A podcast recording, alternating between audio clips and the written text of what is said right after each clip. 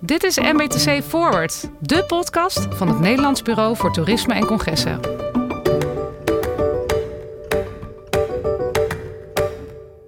Welkom bij deze MBTC Forward podcast over bezoekersmanagement in de praktijk. Mijn naam is Bastiaan Overeem, uh, programmamanager bij MBTC in het team uh, bestemmingsontwikkeling. Ik ga vandaag in gesprek met uh, Joyce Kronen, eigenaar van gedragsbureau Duwtje. En Sian Schaap, eigenaar van Event Safety Instituut. We gaan het hebben over bezoekersmanagement in de praktijk. onderzoek, het gedrag van mensen, maar met name ook de ervaringen uit de afgelopen periode. Joyce, fijn dat je hier bent. Ja, leuk om hier te zijn ook. Vertel eens iets over het bureau waar je eigenaar van bent, Duwtje. Ja, met Duwtje geven we eigenlijk heel veel verschillende soorten organisaties advies over gedragsverandering. Dus met kennis van zowel bewust als onbewust gedrag kijken we hoe we organisaties kunnen helpen om hun doelen te behalen. Dat kan van alles en nog wat zijn. Dus bezoekersspreiding. hoe motiveer je mensen nou om afstand van elkaar te houden? Uh, maar ook uh, bijvoorbeeld gemeentes helpen met voorkomen van zwerfafval of um, organisaties met verkopen van duurzame producten. Dus het zijn heel veel verschillende soorten vraagstukken, maar de basis is altijd hoe kan je met kennis van onbewust gedrag toch dat juiste duwtje geven. Heel interessant. Uh, we gaan zo nog uitgebreid in gesprek. Maar eerst wil ik naar Sian. zou jij Event Safety Instituut willen introduceren? Ja, hartstikke leuk. Leuk om hier te zijn ook, eh, Bastiaan. Event Safety Institute is een uh, expertisecentrum op het gebied van uh, drukke plaatsen, zou je kunnen zeggen. Wij houden ons uh, in de kern met name bezig met evenementen, grootschalige evenementen. Moet je denken aan nou, Formule 1 bijvoorbeeld of Koningsdagen. Maar ja, eigenlijk afgelopen jaar steeds meer bezig gaan houden met andere drukke plaatsen ook. Het adviseren over het bezoekersmanagement op markten, op, in winkelstraten, en vrije tijdshotspots, toeristische hotspots. Naast advies geven verzorgen we ook allerlei opleidingen. Vooral aan de overheid. En hebben we ook een operationele tak die soms op festivals de boel coördineert. En wat is jou nou echt uh, opgevallen afgelopen jaar?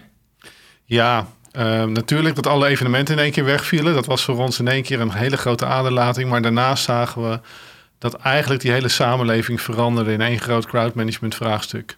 Wat je zag is dat door de regels die er kwamen, het anderhalve meter afstand houden, maar ook inderdaad de hygiënemaatregelen die ervoor zorgden dat je veel meer handelingen moest doen om een bezoek aan een restaurant mogelijk te maken. Dat alles opeens crowdmanagement werd. Overal moest over worden nagedacht. Hoe houden we die afstand nou uh, onder controle? We zorgen ervoor dat het ergens niet te druk wordt. En ja, daarmee merkten wij ook dat er eigenlijk voor ons ja, heel veel nieuw werk ook opeens kwam door die hele coronacrisis.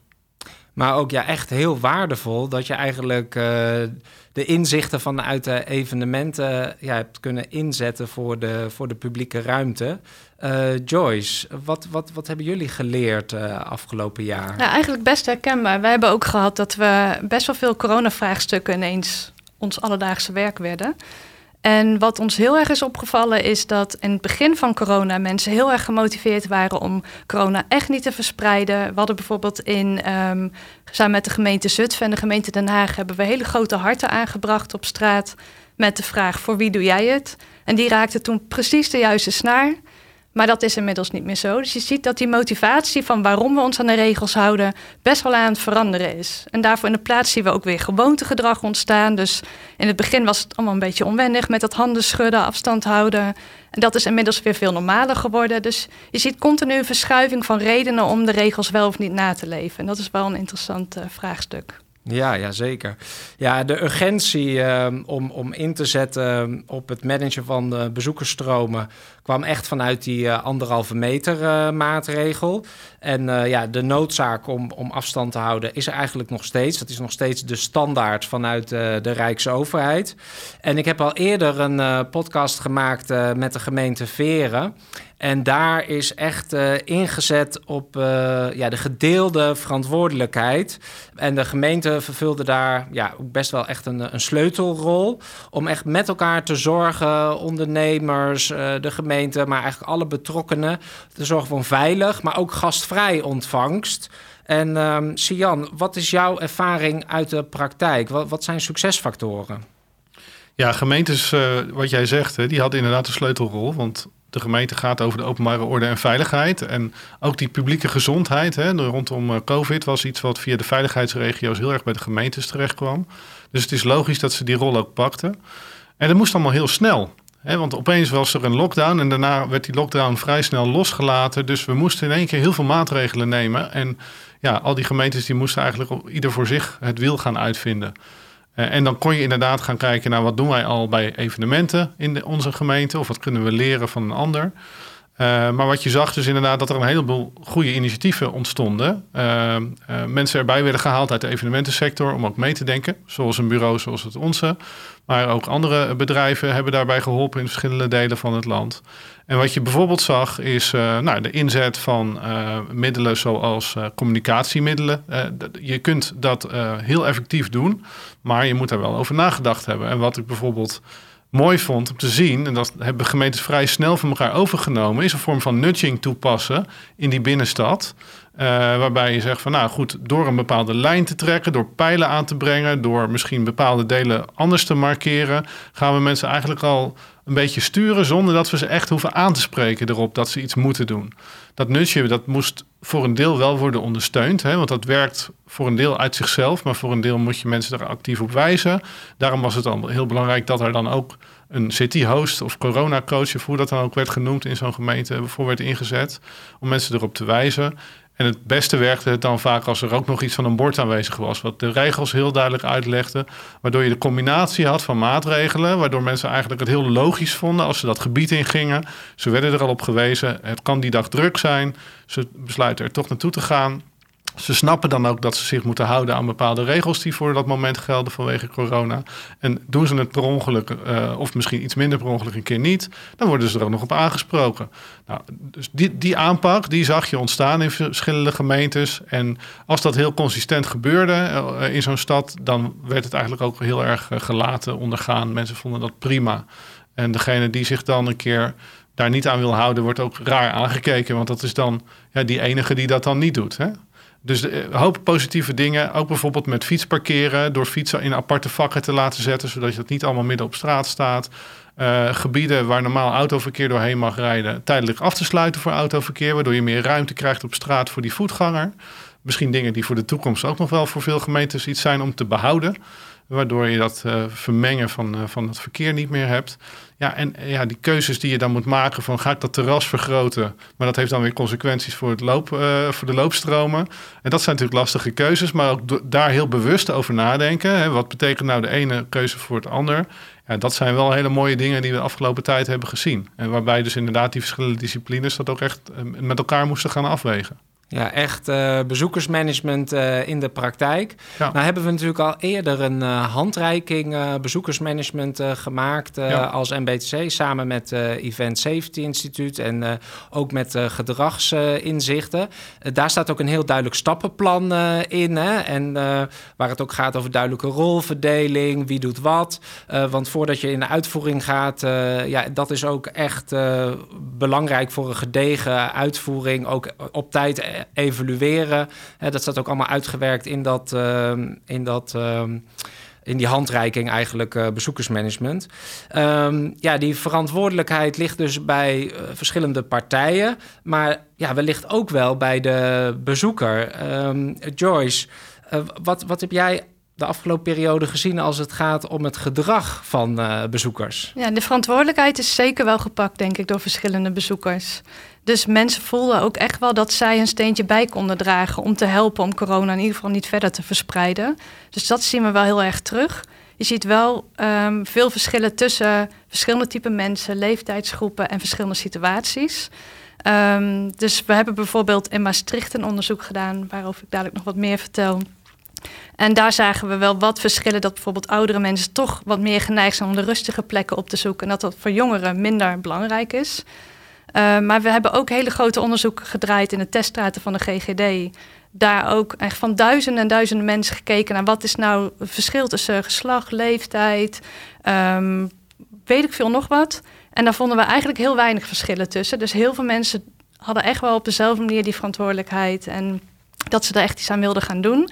Dus ja, het is een soort van complex samenspel heel vaak voor mensen. Um, in hoeverre ze die verantwoordelijkheid gaan pakken. Aan de ene kant heb je Ehm, je eigen nadelen die je misschien een beetje wil voorkomen. Dus voor jongeren was sociale isolatie best wel een belangrijke. Voor ouderen weer wat minder. Voor ouderen weer praktische redenen en nadelen die ze hadden als ze zich heel erg aan die regels hielden.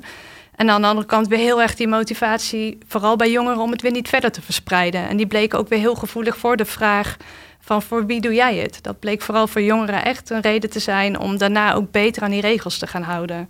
Dus het is uh, niet zomaar te zeggen van, oh, deze pakken heel erg de verantwoordelijkheid en deze mensen niet. Het is echt een vrij complex vraagstuk eigenlijk, hoe dat is gedaan. Maar de meeste pakken hem wel. Ja, en jullie werken ook met een uh, gedragsmodel als ja. uh, duwtje.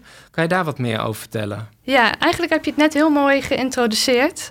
Um, wat Sian net vertelde over dat gemeenten twee manieren eigenlijk aanvlogen om mensen te overtuigen om die afstand te houden. Dus aan de ene kant uitleggen waarom die regels belangrijk zijn. En aan de andere kant ook met nudging onbewust het gedrag sturen. Dat is eigenlijk ook waar het gedragsmodel op gestoeld is. Dus we kijken naar zowel bewuste als onbewuste factoren die onze keuzes beïnvloeden. En dat kan van alles en nog wat zijn. Bijvoorbeeld de sociale omgeving, dus de mening van onze vrienden of familie. Ehm, als zij het bijvoorbeeld heel belangrijk vinden om afstand te houden, beïnvloedt dat ook onze eigen mening. Dat gaat vaak geheel automatisch. Het is niet dat wij gaan nadenken van, oh Pietje vindt dit, dus dan vind ik dat ook. Het is echt een proces wat vanzelf gaat. Net zoals dat als je mensen ineens allemaal omhoog ziet kijken, dat je automatisch mee omhoog gaat kijken. Aan de andere kant heb je ook echt soms die bewuste redenen nodig. Dus waarom is het nou eigenlijk zo belangrijk om die regels na te leven? Dus het een kan niet zonder het ander.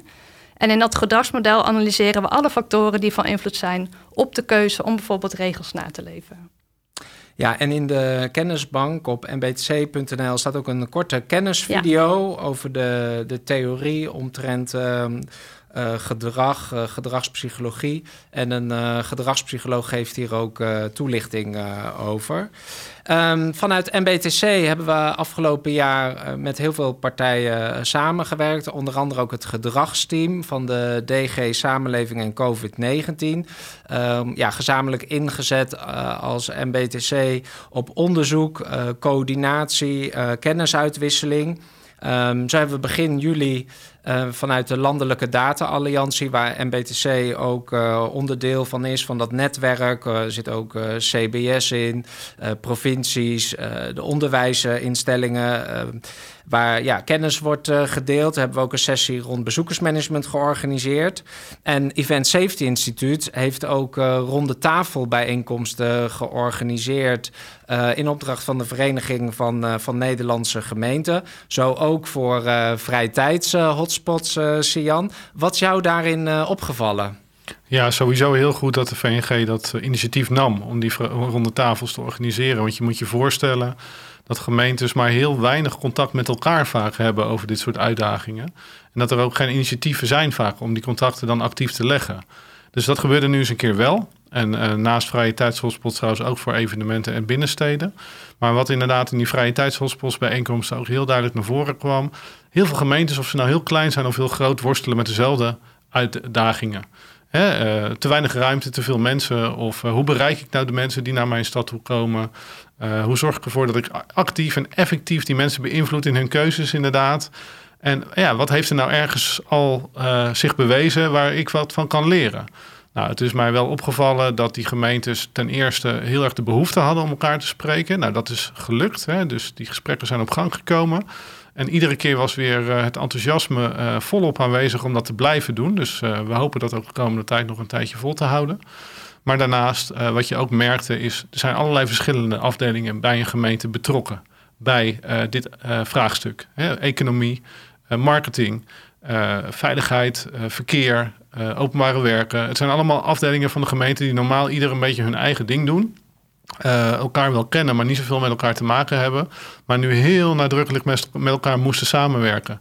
Want ja, de, de, de afsluitingen die openbare werken misschien maakt, die hebben direct gevolgen voor de, uh, de, de ruimte die de afdeling economie wil creëren voor de ondernemer. En zo zie je dus dat uh, bijvoorbeeld een verplaatsing van een markt terwijl er ook net een terrassenvergroting op dezelfde plaats heeft plaatsgevonden, dat dat eigenlijk helemaal niet kan. En dat je dan elkaar tegenkomt in die praktijk en, en moet gaan samenwerken. Nou ja, en gemeentes die hebben dat soort ervaringen met elkaar uitgewisseld, waren vaak ook wel op zoek naar de volgende stap. Hè, van, maar zijn jullie dan ook al bezig met nou, bijvoorbeeld apps of met bezoekerstellingen en hoe werkt dat dan? Dus ik denk dat er nog steeds voor die gemeentes een hoop te leren valt van elkaar. Van gemeentes die voorlopers zijn op dat soort gebieden om dat soort ervaringen te blijven delen met, met elkaar. Uh, dus ik, ik hoop ook een beetje dat, dat die ronde tafels een begin zijn van een netwerk voor die gemeentes in ieder geval. Om met elkaar in contact te blijven over dit onderwerp bezoekersmanagement. Want dat is wel nodig gebleken. Ja, nou, interessant ook wat je zegt, uh, dat integraal werken, dat verschillende beleidsvelden hè, rond zo'n onderwerp als uh, bezoekersmanagement in de openbare ruimte, zijn eigenlijk hele teams uh, ontstaan. Dat is echt een hele interessante ontwikkeling en sluit eigenlijk ook naadloos aan op de landelijke visie op toerisme, perspectief 2030. Um, en daar gaat het ook heel erg over het gedeelde belang van bewoners, bezoekers en bedrijven. Precies wat je zegt een ondernemer uh, ja, is er niet bij gebaat als de straat wordt uh, afgesloten. Uh, maar het is ook niet altijd makkelijk. En uh, dus die dialoog met elkaar aangaan. Um, ook ja, met elkaar, dus in het gemeentehuis, maar ook zeker daarbuiten. Hè. Dus ook de verschillende organisaties, bewustwording creëren, elkaar ehm, ja, gewoon spreken en nadenken over mogelijke oplossingen. En nou ja, bezoekersmanagement is daarmee ook wel echt in een, uh, in een stroomversnelling uh, gekomen. Nou ja, Sian, je gaf het al aan. Uh, met heel Nederland had een bezoekersmanagement uitdaging. En ehm, ja, nu is het ook kunst, denk om vast te houden richting de toekomst. Hoe kijk jij daar tegenaan, Sian?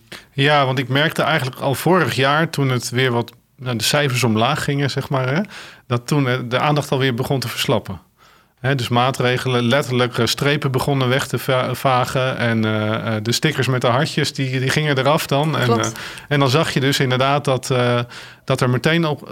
de urgentie was eraf. En, en dat zou zonde zijn hè, als, als dat nu gebeurt. Want een aantal dingen die de afgelopen tijd zijn ontwikkeld... die moeten we echt proberen vast te houden. Ik zeg niet dat we de hele samenleving op anderhalve meter moeten houden. Alsjeblieft niet. Maar als je ziet dat in drukke gebieden... de binnenstad van, van een stad als Amsterdam of Maastricht dat zijn echt gebieden waar je misschien wel blijvend aan bezoekersmanagement wilt doen. En actief ook wilt doen. En waar bijvoorbeeld het scheiden van uh, publiekstromen uh, sowieso een goed middel is om te blijven toepassen. Op de Wallen hebben we bijvoorbeeld meegewerkt aan een eenrichtingsroute. Die tijdelijk is ingesteld vanwege de anderhalve meter samenleving. Maar die ook op weer de echt drukke momenten als de Engelsen weer komen en de Amerikanen en de Chinezen. weer misschien ook hard nodig is om aan bezoekersmanagement te blijven doen. Dus er zijn bepaalde plekken waarvan ik eigenlijk al weet van nou die, die, hebben kunnen leren van de afgelopen tijd. Hè. Daarbij was corona een incentive om nieuwe dingen te doen. En uh, nieuwe dingen uit te proberen. En hopelijk houden ze die vast. En daarnaast uh, ja, uh, zijn we misschien ook wel iets beter voorbereid op nieuwe situaties die we hopelijk niet gaan meemaken, maar ja, wat wel uh, reëel voorzienbaar is. Hè? Dat in de toekomst nog eens een keer toch iets van een, een, virus of een ander probleem ontstaat, waardoor we weer actiever moeten gaan doen aan bezoekersmanagement. Dus ja, daar hebben we denk ik ook de nodige lessen geleerd. Ik moet wel zeggen dat ja, de tijd misschien ook nog wel te kort is geweest voor gemeentes om echt door te kunnen pakken. Een heleboel dingen die zijn in hele korte tijd, wat ik al zei, ontwikkeld. Maar om ook nog te kijken van hoe gaan we nou bijvoorbeeld echt goed bezoekers uh, uh, monitoren. Hoe druk het is in de straat, zodat we actief kunnen bijsturen op het moment dat een bepaalde piekdrukte wordt bereikt. Nou, daar heb je techniek voor nodig. Techniek kost een hoop geld, moet je uitproberen. En daar was vaak nu de tijd niet voor of de middelen niet voor. Dus ik hoop ook wel dat uh, een aantal gemeentes, een aantal locaties doorpakken op dat bezoekersmanagement. En of dat nou een provincie is die zegt van we hebben een groot natuurgebied. Daar hadden we de afgelopen tijd echt uitdagingen, maar we blijven in de toekomst uitdagingen houden. En we gaan met die gemeentes in, die, in dat gebied samen blijven werken. Of het is een heuvelland in uh, Limburg waar goed wordt samengewerkt onderling om tot een gemeenschappelijke aanpak te komen. Of het is een stad als Den Haag die ja, met hele leuke en creatieve dingen is gekomen om de bezoekers van de binnenstad ja, erop te wijzen dat er bepaalde regels zijn en dat ze zich ervan bewust moeten zijn. Het zijn allemaal dingen waarvan ik hoop nou ja, dat we daar iets van vast kunnen houden en daar de goede dingen, de krenten uit de pap kunnen halen als het ware. Ja, nou waren er eigenlijk ook voor corona echt ook al wel plekken, je hebt er al zo'n aantal opgenoemd die al echt ook wel naar bezoekersmanagement of in ieder geval het managen van bezoekersstromen aan het kijken waren. Zo ook de Veluwe. Uh, Joyce, ik heb begrepen, jullie werken als duwtje ook voor de Veluwe. Zou je er iets over kunnen vertellen? Ja, ja bij de Veluwe was inderdaad de uitdaging natuurlijk toen alles zo'n beetje dicht was, ging iedereen de natuur in. Dus het werd daar aardig druk. Dus ze wilden kijken wat nou een motivatie voor bezoekers kon zijn om ze toch een rustige plek of andere momenten de Veluwe op te laten gaan en de drukte uh, te laten raadplegen voordat ze gingen. Um, dus we hebben daar een gedragsanalyse uitgevoerd om te kijken van op welk haakje kunnen we nou eigenlijk inspelen. En uh, een belangrijke intrinsieke motivator voor heel veel bezoekers is rust. En hoe drukker het is, hoe minder rust. Dus hoe minder je van de Veluwe kan gaan genieten. Uh, dus dat was een hele mooie om vast te pakken en daar iets mee te gaan doen in een interventie. Uh, dus op social media hebben we posts ontwikkeld om daarop in te spelen. Uh, bijvoorbeeld door een zin van een polonaise is leuk, maar niet als je op zoek bent naar rust. En dan beelden te laten zien van mensen die noodgedwongen achter elkaar aan moeten lopen. Um, dus op die manier hebben we gekeken of we daarop kunnen inspelen. Ook heel erg op de autonomie. Je wil zelf de keuze hebben als je naar de natuur gaat en juist vrijheid opzoekt. Om ook zelf gewoon te kiezen waar je heen loopt en welke route je neemt. En niet om ter plekke nog te moeten denken van oh, daar lopen te veel mensen, laat ik dan toch maar hierheen gaan. En dat blijkt wel heel erg aan te spreken. Dus uh, ook hier zie je weer dat het echt belangrijk is om die intrinsieke motivatie vast te pakken. Dus wat drijft mensen vanuit zichzelf al om bepaalde keuzes te maken en daar heel erg slim op in te gaan spelen. En ook echt in de fase vooraf. Hè? Dus vooraf, ja, mensen, klopt. Uh, dat is hier inderdaad ook wel een hele mooie. Dat je niet ter plekke nog dingen gaat doen, maar kijkt hoe je vooraf mensen kan motiveren. Ja, ja ook heel, heel interessant. Ja. Uh, ook om te blijven volgen, van, want dat is eigenlijk net in gang gezet. Van ja. wat zijn daar de, de effecten van? Uh, Sian, um, Event Safety Instituut, maar jullie hebben ook een tak uh, Crowd Professionals. Uh, jullie hebben voor ruim 20 uh, gemeenten in Nederland gewerkt, ruim 20 gemeenten. nou, je hebt eigenlijk net al heel veel opgenoemd, maar ja, kan je even een paar dingen noemen wat zegt van ja, dat hebben we uit de praktijk ervaren, dat is effectief. En wellicht zeg je van nou, dat zijn misschien nog zaken, daar moeten we nog aan werken, dat verdient nog aandacht. Ja, natuurlijk, altijd. Ik bedoel, er zijn zoveel voorbeelden uit de praktijk gehaald. Um, in de handreiking bezoekersmanagement zie je ook dat wij uh, uh, maatregelen indelen in, in drie categorieën: design, informatie en management. Designmaatregelen gaan over de inrichting van de ruimte. Informatiemaatregelen inderdaad over het bijsturen van het gedrag door middel van informatievoorziening.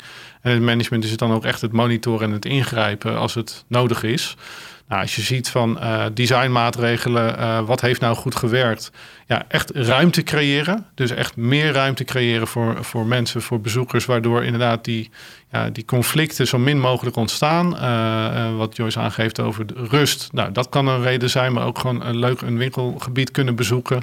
Door kunnen lopen op je tempo wat je zelf wil lopen en niet gehinderd worden. Dus ruimte creëren is belangrijk geweest. en dat kan bijvoorbeeld zijn door een markt qua oppervlakte te vergroten. Waardoor je wel het aantal kraampjes kunt hanteren, maar over een grotere oppervlakte verspreid. Dat, uh, dat is een, uh, een, voorbeeld van een designmaatregel. Informatie. Daarvan zag je dat sommige goed bedoelde informatiemaatregelen weinig effect hebben gehad. bijvoorbeeld het inzetten van een WhatsApp-nummer waarop je kon appen om te vragen hoe druk het was in de binnenstad. Nou, of dat dat, dat ging soms niet helemaal goed doordat degene die dat moest voeden dat niet actief genoeg deed, waardoor de informatie achterliep. Maar ook werd het maar heel weinig gebruikt. Uh, dus je zag dat in het informeren van de bezoekers van, van, een, van, een, van een locatie, of dat nou een binnenstad is of een toeristische hotspot, dat daar nog wel echt een verbetering te maken valt. en dat gemeentes nog wel meer kunnen bedenken wie zijn mijn bezoekers nou eigenlijk? Want als dat mensen uit de eigen binnenstad zijn, omdat het buurtbewoners zijn, dan gaan ze echt niet op een website kijken om te kijken of ze de stad wel in willen lopen. Dan heb je die borden op straat nodig. Of mensen die jou aanspreken.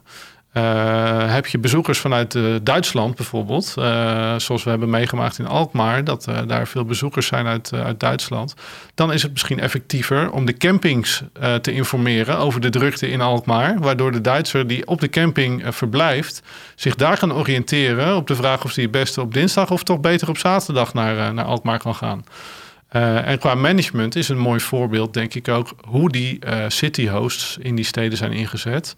Want daar is heel veel gepioneerd. Hè, van vrijwilligers tot en met uh, beroepsbeveiligers. Uh, van allerlei type mensen zijn ingezet. Ook uh, zeg maar de kaasmeisjes die een ander t-shirt aankregen.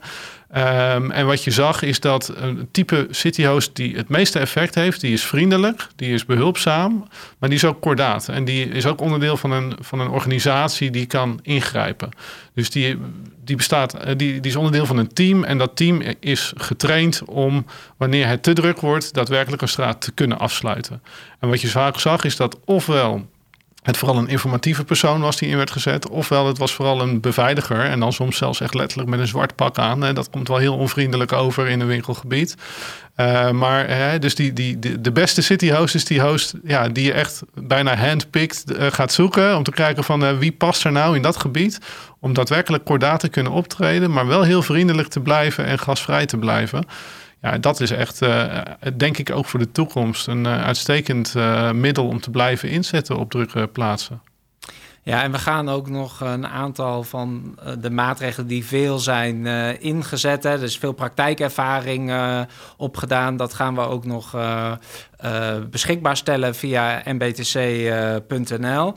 maar ik heb jou ook wel horen zeggen eerder van ja, het is ook wel echt van belang om de expertise, eh, expertise vanuit de evenementenkant, hè, die jullie in de afgelopen 10, 15 jaar hebben opgebouwd, maar ook de gedragspsychologie. Je ziet nu dat veel partijen die expertise hebben in, ingeschakeld, ook onderzoeken doen, hè, kijken hoe effectief.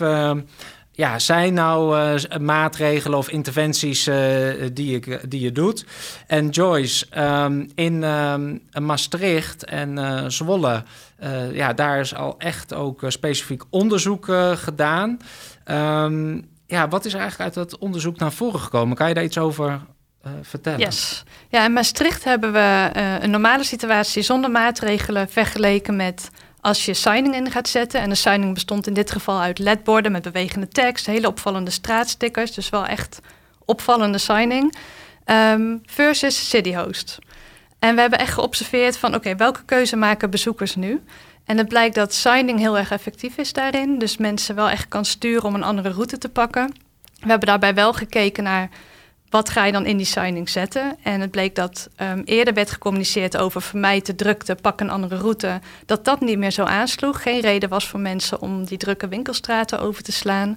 Dus we hebben uiteindelijk gekozen voor de slimste route. Die bleek in een pre-test ook heel goed te vallen. Vooral omdat het een soort van autoriteit uitstraalt en een zekerheid dat je door die andere routes te nemen uiteindelijk op de plek komt waar je wil zijn. Um, de CDO's bleken iets minder effectief te hebben. Waarschijnlijk omdat het voor een CDO's best wel lastig is om een hele grote groep mensen aan te spreken. Dus je spreekt ook mensen aan die heel goed bekend zijn in Maastricht, die de weg weten en die zijn gewoon wat minder via alternatieve routes te sturen. Dus dan heb je ook wat minder effect. Dus in die zin is signing wat effectiever, omdat je een hele grote groep mensen in één keer aanspreekt. En datzelfde zien we nu ook in Zwolle, waarbij we met uh, lijnen hebben gewerkt. Dus niet echt met borden en in die zin met stickers en met pijlen. Maar gewoon een lijn op de weg die afbuigt naar de alternatieve route. Om te kijken of mensen dan die lijn volgen. En uiteindelijk vaker ook die route nemen. En dat blijkt ook effectief te zijn. Ook ja, interessant. En uh, de inzichten daarvan uh, gaan we ook publiceren uh, met elkaar, onder andere ook op mbtc.nl. Ja. dus die komen beschikbaar. Um, ja, door corona, we hebben het eigenlijk al gezegd, was heel Nederland bezig uh, met uh, bezoekersmanagement. Of in ieder geval heel Nederland had het een uitdaging uh, met bezoekersmanagement. Ehm, ja, richting de toekomst. Sian, hoe, hoe, hoe, kijk jij daar tegenaan? Ja, ik denk ehm, naar de toekomst toe dat er, uh, uh, dat er veel geleerd is. Dus dat we ook uh, dingen kunnen uh, doorontwikkelen nu. dat er misschien wel moet worden nagedacht over hoe houden we die aandacht nou vast. Hè? Dus is er iemand in de stad die verantwoordelijk is voor dat bezoekersmanagement? Is dat bij iemand belegd? Of is dat helemaal niet echt belegd en was het een gelegenheidssamenwerking die we nu hebben gehad? Dus misschien moet er een, uh, een soort uh, uh, projectleider of manager bezoekersmanagement komen in drukbezochte steden. Hè? En, en, en, misschien ook wel in drukbezochte natuurgebieden. Die zich die kennis gaat eigen maken van wat voor maatregelen kun je nou nemen. die ook een netwerk gaat vormen, misschien met collega's in andere gebieden. waardoor je ervaringen blijft uitwisselen en kennis blijft ontwikkelen. Uh, en waardoor je ja, het op een hoger level gaat krijgen. In die zin kan ik wel een parallel trekken met uh, ja, de ontwikkelingen rondom de aanpak van evenementen. Want als je dat 15 jaar geleden bekeek, was het ook op een heel ander niveau dan nu. Daar is ook een urgentie ontstaan om dat beter te gaan doen door drukte op allerlei carnavallen en koningsdagen. En daardoor moest het steeds beter. En natuurlijk, soms gaan er ook dingen echt mis, waardoor ja, uh, je met de neus op de feiten wordt gedrukt. Als er echt ongelukken gebeuren. En dat zag je bij evenementen, dat dat echt heeft geleid tot professionalisering. Dus ja, goed, ik hoop dat die ongelukken niet nodig zijn. Maar dat het wel uh, uh, het bezoekersmanagement een stap vooruit uh, kan komen nog. En je ziet al dat er heel veel bedrijven zijn ingestapt op het onderwerp. Hè, variërend van van echt zeg maar bedrijven die metingen doen, tellingen doen, tot en met bedrijven die, die echt nieuwe gadgets hebben ontwikkeld, waardoor je bijvoorbeeld, nou ja, bijvoorbeeld elkaar actief gaan op de hoogte houden van de drukte op bepaalde plekken of apps die, die jou misschien in staat stellen om alternatieve keuzes te maken. Nou, allerlei innovaties. Ik denk ook dat bijvoorbeeld het inzetten van drones steeds meer gebeurt om uh, bezoekersmanagement van bovenaf te doen. Dus die innovaties die doen echt een intrede nu in dat hele bezoekersmanagement. Ja, en ik denk dat MBTC er ook een rol in kan hebben om dat soort dingen nou, in de gaten te houden. Iedereen die ermee bezig is erop te wijzen dat, dat er nieuwe ontwikkelingen zijn waar je, waar je wat van kan leren. En op die manier ook een aanjaagfunctie kan blijven houden om, ja, om dit onderwerp gewoon zich verder te laten doorontwikkelen. Ja, bij MBC uh, dit onderwerp uh, staat ook echt uh, op, de, op de planning. vooral voor die landelijke afstemming. Uiteindelijk is het wel heel erg contextafhankelijk. De lokale context, welke samenwerkingspartners, welke interventies kan je lokaal doen. Het is heel erg ook op microniveau. Maar ja, het zou zonde zijn als plekken het wiel aan het uitvinden zijn... terwijl ergens anders ze al weten van dit werkt wel, dat werkt niet. En nou, de meerwaarde ook van van het onderzoek hè, wat we hebben gedaan uh, in samenwerking met uh, Maastricht, Zwolle, uh, maar ook Breda. ja, die inzichten ook blijven delen en het gesprek daar um, over voeren. Ja, dat, dat staat zeker bij ons op de agenda. Um, nou, nog even naar het gedrag, um, Joyce. Denk jij ook dat het gedrag van mensen blijvend is veranderd? Wat, wat is jouw inschatting? Ook de perceptie van drukte? Ja, gedrag blijvend veranderd is denk ik een heel optimistisch uh, beeld over de mensheid. Maar de perceptie van drukte is zeker wel veranderd. Dus wat we eerst um, als heel rustig ervaren, kunnen we nu als druk ervaren. Dus wat dat betreft is ons anker wel verschoven. En als ons anker verschuift, heeft dat uiteindelijk ook invloed op ons gedrag. Dus je ziet nu dat als een beetje plekken druk worden, dat het toch raar voelt om heel dicht bij mensen te gaan staan. En dat heel veel mensen automatisch al wat meer afstand houden. Dat is ook dat nieuwe gewoontegedrag wat we zien. Uh, maar je ziet ook nu de maatregelen terug worden geschaald. Het wordt steeds normaler om toch wel weer in drukke situaties te bevinden. En dat onze anker weer langzaam teruggaat naar waar het eerst was. Dus uiteindelijk zullen we wel weer redelijk uitkomen op ons standaardgedrag. Hoewel die drie zoenen, denk ik, niemand gaat missen. Dus wat dat betreft zijn er wel wat dingen veranderd, denk ik. Het is een onderwerp wat volgens mij nog volop uh, in beweging ja. uh, is. Um, uh, Joyce Kronen van gedragsbureau Duwtje, Sian Schaap van Event Safety Instituut. Hartelijk dank voor dit gesprek. Um, wil je meer weten over dit onderwerp?